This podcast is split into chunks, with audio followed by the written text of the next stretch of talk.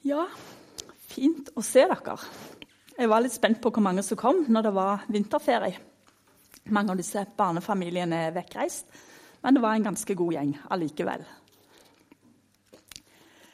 Og jeg syns alltid det er så godt å få med lovsangen før jeg skal tale.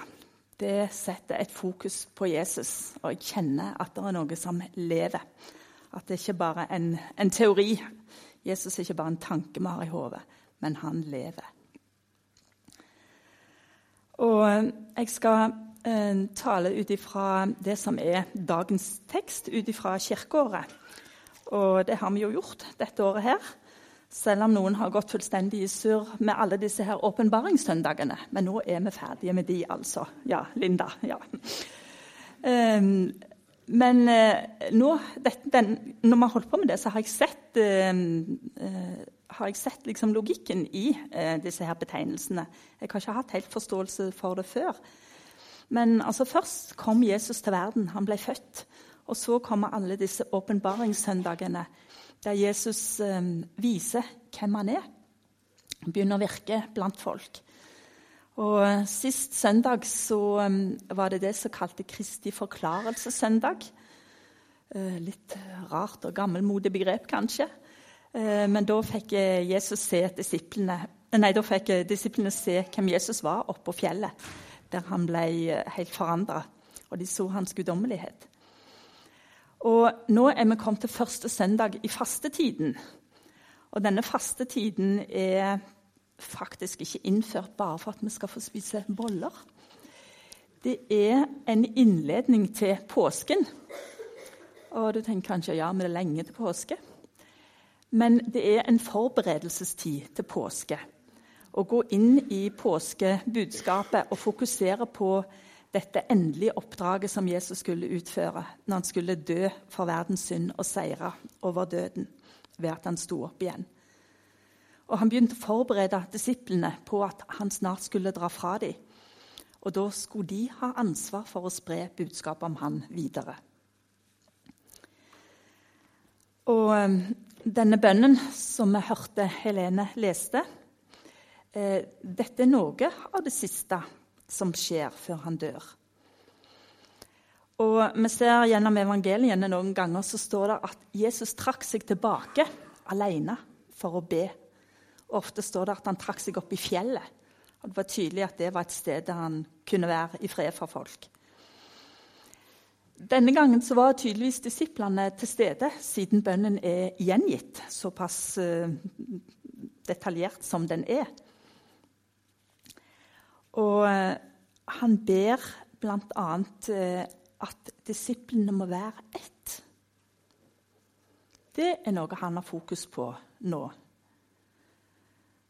Og hvorfor ber han om akkurat det?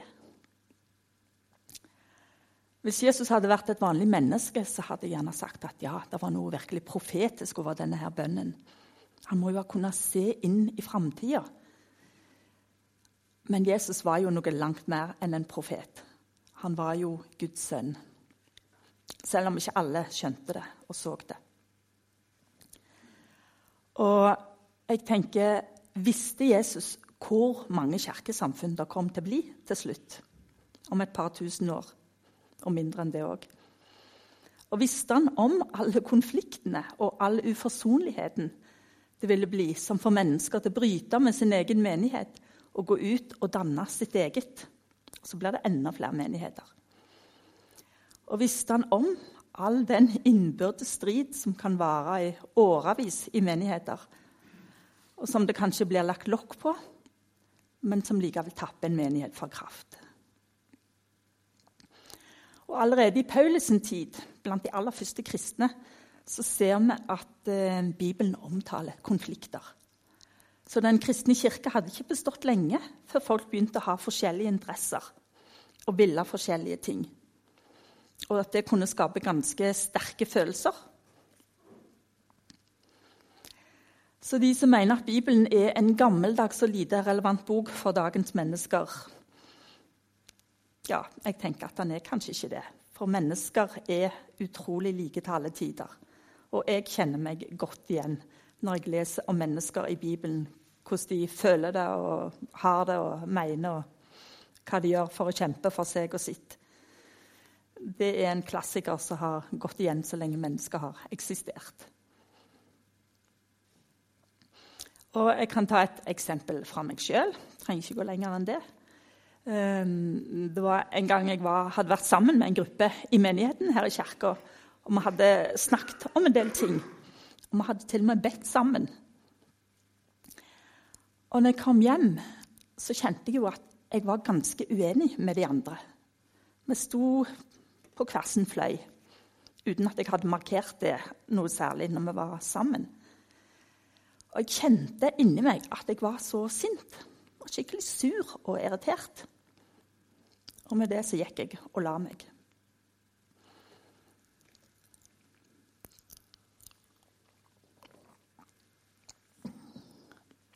Neste morgen når jeg våkna, eller sto opp, da, så skulle jeg nå lese litt i Bibelen og be, som jeg prøver å ha for vane. Og Akkurat da så holdt jeg på med bergpreken. Og tilfeldigvis så var jeg akkurat kommet til det verset som står i Matteus 7,3. Skal vi se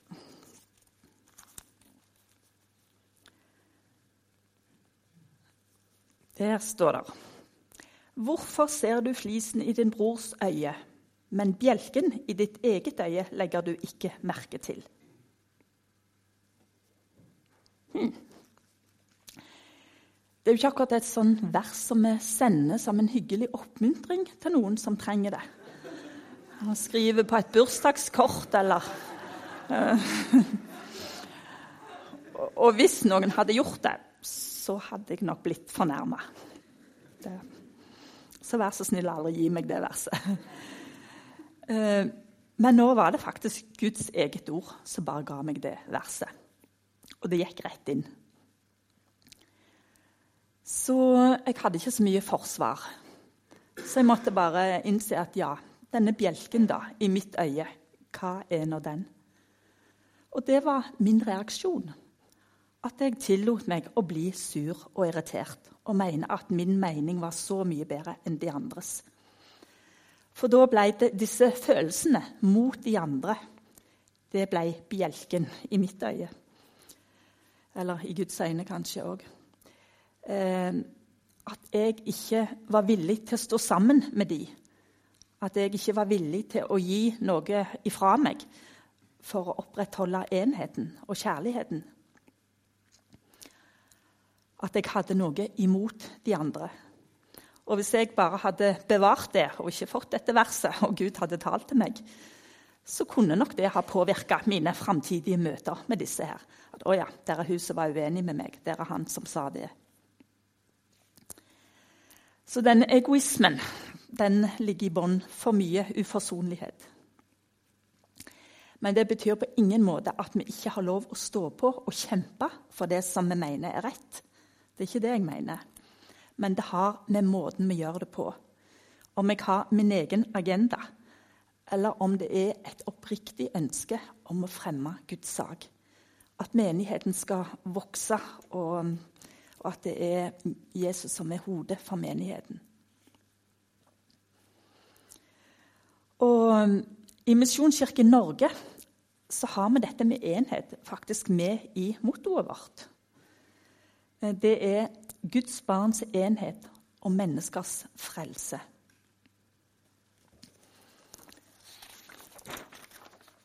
Og denne utfordringen til enhet, den gjelder, som jeg nevnte med meg sjøl, den gjelder enkeltmennesker imellom. Og jeg hadde en bibelskolelærer når jeg gikk på Ansgar for 18 år siden, som ofte kom tilbake til dette her der det er mer enn ett menneske, der er det òg mer enn ei mening. Så dette med forskjellige meninger og utfordringen til enhet det er noe vi alltid lever med i et kristent fellesskap. Og Foruten enkeltmennesker så har vi grupperinger innad i menigheten. Av oss som sitter her, så kan at noen stå for det, og noen står for det, og den tredje står for det. Og har forskjellige meninger om hvordan ting skal være. Og så har vi alle de andre menighetene i vår by. Oppover hele Bergelandsgata og litt rundt forbi ellers. Har vi enhet med de? Og så har vi da den verdensvide kirke. Alle kristne på jord. Alle kirkesamfunn som fins. I alle kulturer. I alle varianter. Og for å ha enhet så må vi ikke nødvendigvis være enige om alt. Det er faktisk ikke mulig. Fordi at vi er forskjellige som mennesker, og vi, vi har forskjellige kulturer. Men en enighet om det sentrale, som vi leser her i denne teksten som vi hørte, eh, at Jesus er den sentrale. Det er han vi har fokus på. For det kan jo være lett nok å være enige. Eh, og lett nok å være ett når vi er enige om alt. Og vi har vel alle våre nære, gode venner der vi er på bølgelengde om det meste. Og kjenner at åh, vi, vi står virkelig sammen. Men det å virkelig ville enhet, det innebærer ofte å måtte akseptere og bære over med at alle mener ikke akkurat det samme som meg men allikevel se det verdifulle i de andre. Og se at Jesus bor i de òg, og han virker i de òg. Og det har vi felles. Og, og, Ofte så går jo uenigheten på litt, eh, litt perifere ting. Som måten vi har gudstjeneste på. Der er det jo utallige varianter. Og um, musikken kan være veldig forskjellig. Hvordan et kirkebygg skal se ut hva slags aktiviteter vi skal satse på. Og alt sånn kan være veldig forskjellig og, og forme ytterst forskjellige menigheter. Men det er jo Jesus vi tror på. Det er jo hans frelse vi står sammen om. Og når jeg tenker meg om, så har jeg gjennom livet vært innom utrolig mange forskjellige retninger innen kristne menigheter. Om jeg ikke har der over tid har vært en del av menigheten, så iallfall hatt kontakt med. Og ja, det er utrolig hvor mange varianter det fins. Og um, ofte så har jeg kjent en glede over å se at selv med så fremmede, uh, i så fremmede omgivelser, i så fremmede former, så merker jeg at der er jo Jesus. Sånn tilber de Jesus. Sånn uttrykker de sin kjærlighet til Jesus. Og så har jeg måttet erkjenne de er jo Guds barn, de òg. De er kristne, selv om det rundt virker veldig fremmed for meg. Og en form som ikke jeg føler meg helt hjemme i. Så har jeg òg vært innom ting som jeg har kjent at dette må jeg bare trekke meg ut fra, for dette, dette kan jeg ikke gå god for. Dette kjenner jeg ikke helt rett.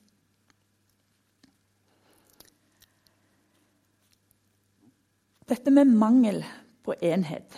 Det går ikke bare på det å ha harde stridigheter og merkbare konflikter.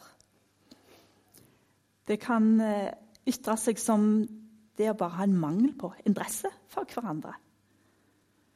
Ehm, det å la være å snakke om ting. La være å sette ord på ting innad i en menighet. Holde avstand. Det er òg en mangel på enhet kan være. Uh, og Det som er interessant, er at når Jesus ba om enhet uh, og ba for disiplene i denne siste tida og skulle vise dem hva som var viktig, så ba han f.eks. ikke om at de måtte slippe forfølgelse. For det er jo egentlig ganske fælt å bli forfulgt. Men han så nok at det er faktisk ikke forfølgelse som til slutt kommer til å ta knekken på den kristne kirke. Mens mangel på enhet, det kan bli et større problem. Mangel på enhet kan gjøre oss som kristne svake og ta fra oss frimodigheten. Tappe oss for mye krefter. I den første kristne, første kristne, kirke så det faktisk ut som forfølgelse. Det virka helt motsatt. Det var med å spre det kristne budskapet.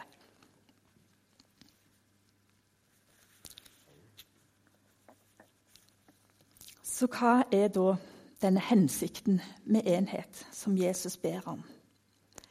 I vers 21 i Johannes 17 så sier han jeg ber om at de alle må være ett. Ja, hvorfor det, da? Jo, så verden kan tro at du har sendt meg. Hmm. For at de skulle være troverdige.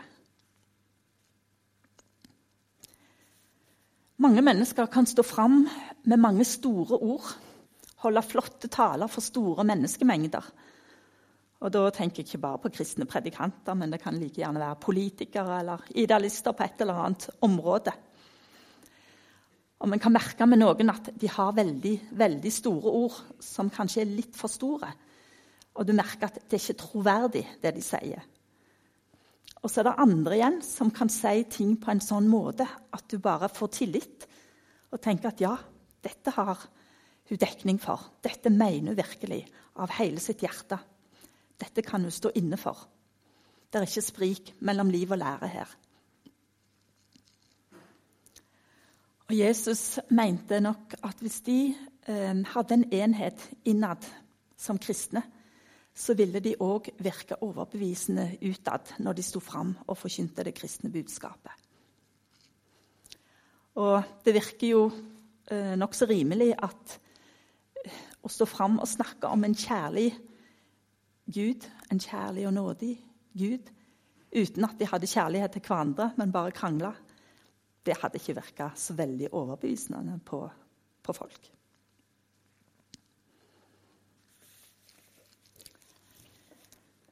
Så hva er da dette grunnlaget for enheten? Hva er det som ligger i bånn, som er så stort og så verdifullt at det faktisk er verdt å ofre noe og svelge sin stolthet og legge til side sin egoisme for. For denne bønnen av menighet det var ikke bare en, en sånn formaning om at nå må dere være snille og greie mot hverandre når jeg skal forlate dere. Det var ikke så overfladisk, det Jesus sa. Sånn som foreldre kan si til ungene når de skal være hjemme alene for første gang. Nå må dere være snille og greie og ikke krangle. Ikke gjøre noe galt. Dette her går mye dypere enn som så. Og det er heller ikke en tale, en formaning, som Jesus holder til disiplene. Det er faktisk en bønn som Jesus ber til sin himmelske far. Han samtaler med sin far. Og det er nok ikke første gang at disiplen hører at Jesus ber til sin far. Og jeg skulle likt å være der, tenkte jeg når jeg leste denne teksten. Å høre Jesus sjøl når han ber til sin far og setter ord på ting. Hvordan hadde det vært? Og jeg tror at det gjorde veldig inntrykk på disiplene og at det var med å forme dem. Og at det var med og viste dem noe av hvem Gud var. At det ble en gradvis åpenbaring for dem. Men han ikke, gir ikke bare uttrykk for sitt kjærlighetsforhold til sin far, og hvor glad hans far er i han. Men han vil òg dra disiplene inn i dette.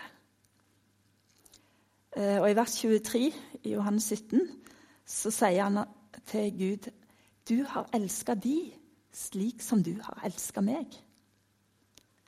At Gud elsker disiplene akkurat like høyt og på samme måte som man har kjærlighet til Jesus. Og ikke nok med det. I dette kapittel 17 så står det òg noe om at Jesus ber for alle de som ved deres ord, altså ved disiplenes ord, kommer til tro på meg. For disiplene skal jo gå ut og forkynne budskapet i all verden. Og Det var begynnelsen til at det òg kom til oss som sitter her i dag. Så det gjelder òg oss. Vi som sitter her i dag, er like høyt elska av Gud som han elska Jesus. Den kjærligheten han hadde til sin sønn, den har han òg til hver eneste en av oss. Og jeg tror ikke vi forstår det før vi en gang står framfor Gud, og han kan vise oss det fullt ut.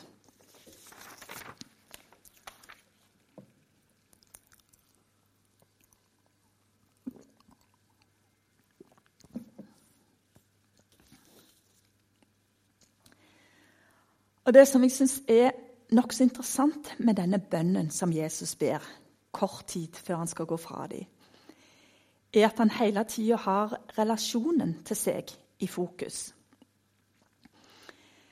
Eh, noen ganger i løpet av den tida de har hatt sammen, så har han jo sendt dem ut for å tjene mennesker og praktisere det de har lært. Og etterpå så kommer de sammen med Jesus, og han samler dem rundt seg igjen og samtale med dem. Han vil ha dem nær seg og pleie relasjonen til dem. Og for eksempel, En gang så står det at disiplen hadde vært ute, og de kom glade tilbake. De var liksom fulle av entusiasme. Liksom, 'Vet du hva som skjedde, Jesus?' Vi reiv ut onde ånder, og de var lydige. De bare voff, så bare føyk de ut av folk. Og Vi la hendene på folk, og de ble helbreda. Det var helt fantastisk. Og så sier Jesus, som om han ikke skulle sette pris på dette her Gled dere ikke over at åndene er dere lydige, men gled dere over at deres navn er oppskrevet i livets bok. Så hva mente han med det? Satte han ikke pris på det de hadde gjort? Og var det ikke han sjøl som faktisk hadde sendt de ut til å gjøre nettopp disse gjerningene her? Men jeg tror han mente at det vi gjør i en menighet, og aktivitetene våre, det vi gjør for Jesus, om det har aldri så gode hensikter, så må aldri det bli viktigere enn selve forholdet til Jesus. At det er det som skal gi oss den største gleden. Og når det er der, så har vi det beste grunnlaget for å ut og gjøre ting for Jesus.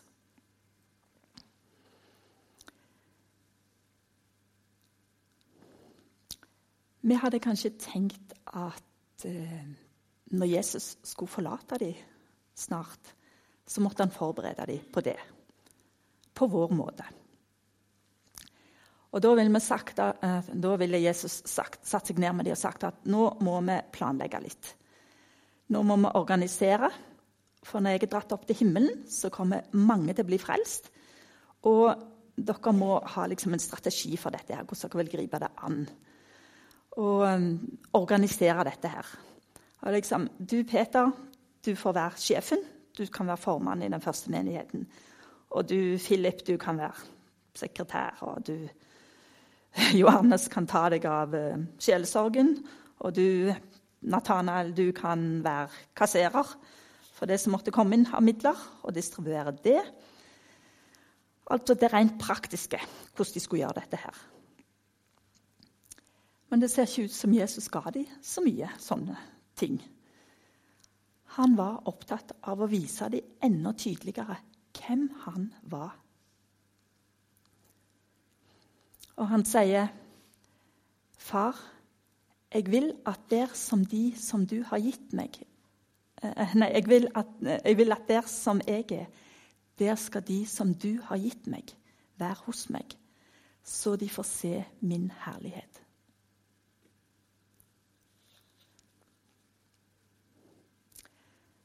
Så kan vi spørre oss hvordan viste han det for disiplene? Han hadde gitt dem mange glimt av det i årenes løp. For Jesus hadde gjort veldig mange under, mirakler. Han hadde helbreda utrolig mange for forskjellige sykdommer som aldri kunne blitt helbreda på annet vis i den tida. I han hadde gitt mat til 5000 mennesker ut av nesten ingenting. Og Av og til står det at folk var ute av seg av undring, for de hadde aldri sett noe sånn. Og noen trodde nok han var Guds sønn, men mange de visste ikke hva de skulle tro. Og noen var helt imot han og trodde slett ikke det. Men nå virka det ikke som Jesus hadde behov for å sette et enda større fokus på, på disse miraklene, eller å gjøre enda større mirakler. Eller enda hyppigere mirakler.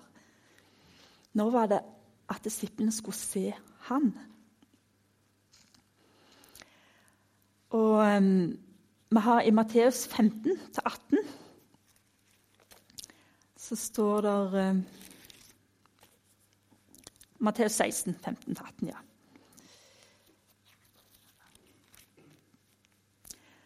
Der står det at Jesus en gang spurte hvem sier folk at menneskesønnen er. Og de svarte ja, noen sier døperen Johannes, og andre sier Elia. Og andre igjen Jeremia. Eller kanskje en av profetene.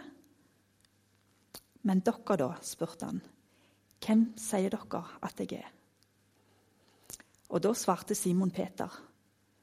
Du er Messias, den levende Guds sønn.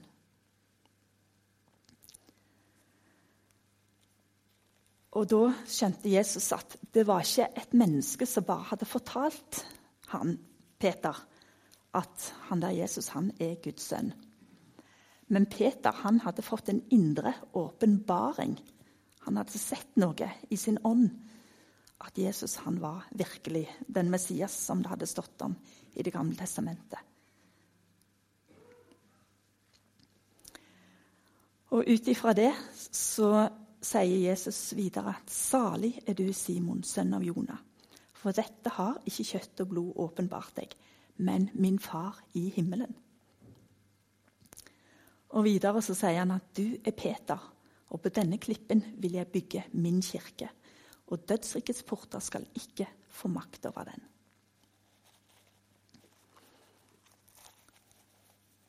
Det var litt av en respons han fikk fra Jesus.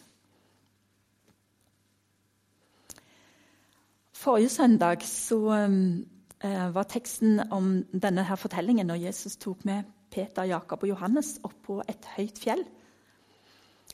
Og Da skjedde det noe merkelig.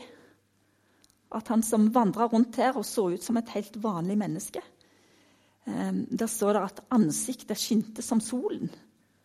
Og da gikk det jo egentlig ikke an å se på dette ansiktet, for det var altfor sterkt lys. Og så står det at klærne ble hvite som lys. Og her fikk de se mer den guddommelige sida av Jesus. Han var et sant menneske, men han var òg Gud. Og han tenkte at nå er de klar til å få se enda litt mer av hvem jeg er. At han ikke bare var et menneske som hadde overnaturlige evner, men han var òg Gud. Og de hørte også Guds stemme, der Gud stolt erklærte at 'dette er min sønn', og erklærte sin kjærlighet til Jesus. Og jeg tenker at det er kanskje det Johannes har i tankene når han skriver sitt evangelie i innledningen der, i første kapittelet og 14 vers. Der står det eh, litt ute i verset Og vi så hans herlighet, en herlighet som den enbårne sønn har fra sin far, full av nåde og sannhet. Så hva er denne herligheten? Det er kanskje et ord som ikke sier så mye. Det er noe sånn litt stort, noe flott. Men hva er det? Hva betyr det? Kanskje det har noe med nåde å gjøre. At himmelens Gud, som er allmektig, han har vist oss nåde. Og han står for sannheten. Den eneste sannheten. Og nettopp fordi han er Gud, så er det han som kan vise oss nåde. Eh, det hadde ikke vært det samme om et menneske som har sine feil, viser oss nåde. Det er mer kanskje overbærenhet. Men Gud kan vise oss nåde ved at han tilgir og sletter ut det som er gjort galt, som om det aldri hadde eksistert. Og um, um, de fleste fulgte vel med på Obamas siste tid som president. Eh, da var det snakk om at han den siste tida faktisk eh, benåda veldig mange fanger som var i fengsel. Som hadde lange livstidsdommer og aldri kunne gjøre enig med å komme ut. Og det var få presidenter som hadde benåda så mange fanger som han gjorde da, rett før han gikk av som president. Og at de da ble fri og fikk komme ut av fengsel. Og ehm, det var jo nettopp fordi at han var president. Eh, at han var ikke bare USAs mektige, men verdens mektigste mann. Som gjorde at han hadde autoritet til å benåde mennesker. Og ingen andre i USA som kunne det. Ikke engang domstolene. Men han, som en mektig mann, han kunne gjøre det. Og gi dem friheten. Så når Gud viser oss nåde, så er det ingen hvem som helst. Han er ikke bare verdens mektigste, men han er òg universets mektigste.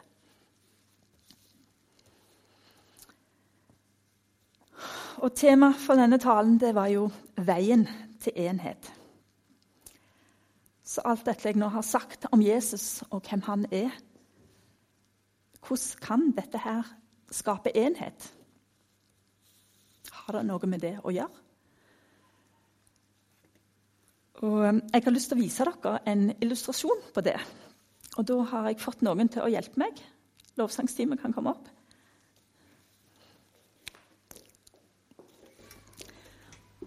Og da skal dere få stå i en halvsirkel Rundt går jeg litt ned. Stå i en halvsirkel rundt korset. Kom litt nærmere her. Mye nærmere. Sånn. Skal jeg gå litt til side, da. Så nå ser vi at de står i en halvsirkel eh, rundt korset og har fokus på korset, på Jesus og det han har gjort. Korset er et symbol på det helt sentrale i vår kristne tro. Eh, når de står eh, vendt i en halvsirkel rundt korset, så kan de òg lett se hverandre, ha blikkontakt med hverandre. Og det er enheten. Når vi har fokus på Jesus, så ser vi òg hverandre. Så kan dere få lov å snu dere 180 grader. Du kan se ut den veien, og du kan se Ja. Eh, nå står de med ryggen til korset. Nå har de ikke fokus på det som Jesus har gjort på det som er viktig i vår kristne tro. Og det vi legger merke til, er at de kan ikke så lett se hverandre heller. Da må de vri mye på hodet. Og da er det heller ikke så lett å ha denne enheten og stå sammen. Så det er en sammenheng med dette her, å ha det rette fokus på Jesus og ha det rette fokus på hverandre. Takk skal dere ha.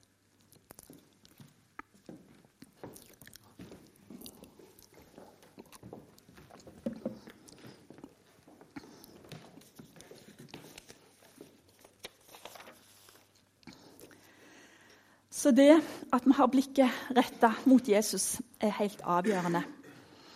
Og at vi ser at det er der hovedfokuset skal være. Og Det holder ikke at bare Jesus åpenbarer seg én gang for oss. Vi trenger det gjentatte ganger. Sånn som han åpenbarte seg for disiplene glimtvis og gradvis mange ganger. Og vi trenger det for at det skal holdes levende. Og han åpenbarer seg når vi er alene, leser Hans ord, synger lovprisning, ber. Han åpenbarer seg i fellesskapet når vi kommer sammen i gudstjenesten. Når vi synger lovsanger til Han, så kan vi kjenne at ja, Jesus, nå merker vi at du er levende iblant oss. Så skal jeg prøve å unngå å avslutte med at Og da skal alt være fullkomment. Nå kan vi oppskrifter. Eh, det blir nok aldri 100% enhet hele tida. Eh, Jeg nevnte jo innledningsvis at selv de første kristne hadde konflikter. Og det vil komme, for vi er mennesker. Men før vi krangler for mye, så la oss gå litt inn i oss sjøl. La oss gå inn for Gud og be Han vise meg motivet i mitt hjerte. Hva er det nå jeg kjemper for, og hvorfor er dette så viktig for meg?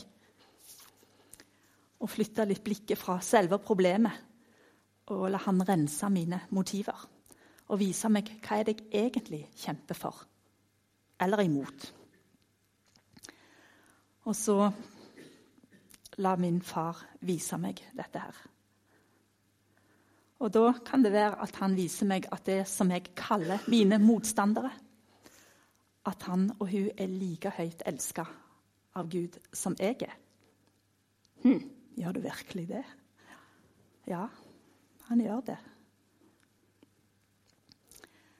Så Og å se den ufattelige kjærligheten som han viste oss når han ga livet for oss. For det gjorde han for alle.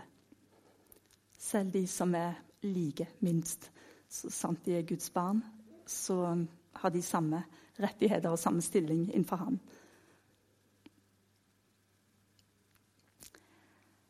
Kjære Jesus, jeg ber om at du skal gå sammen med oss nå videre. Og at du skal jobbe videre med dette i hjertene våre. At du skal åpenbare deg enda tydeligere, så vi kjenner kjærligheten fra deg og kjærligheten til deg. Og at det skal gjøre at vi, vi ønsker å være sammen. At vi kjenner at det er godt å være sammen. Godt å se deg i fellesskap. Godt å tilbe deg, opphøye deg og ha fokus på deg. Og at vi har mye vi kan lære av hverandre. Og at vi har mye vi kan gi hverandre. Jeg ber at du skal føre oss videre framover, Jesus, og hjelpe oss som menighet å ha det rette fokuset, sånn at vi er på rett vei.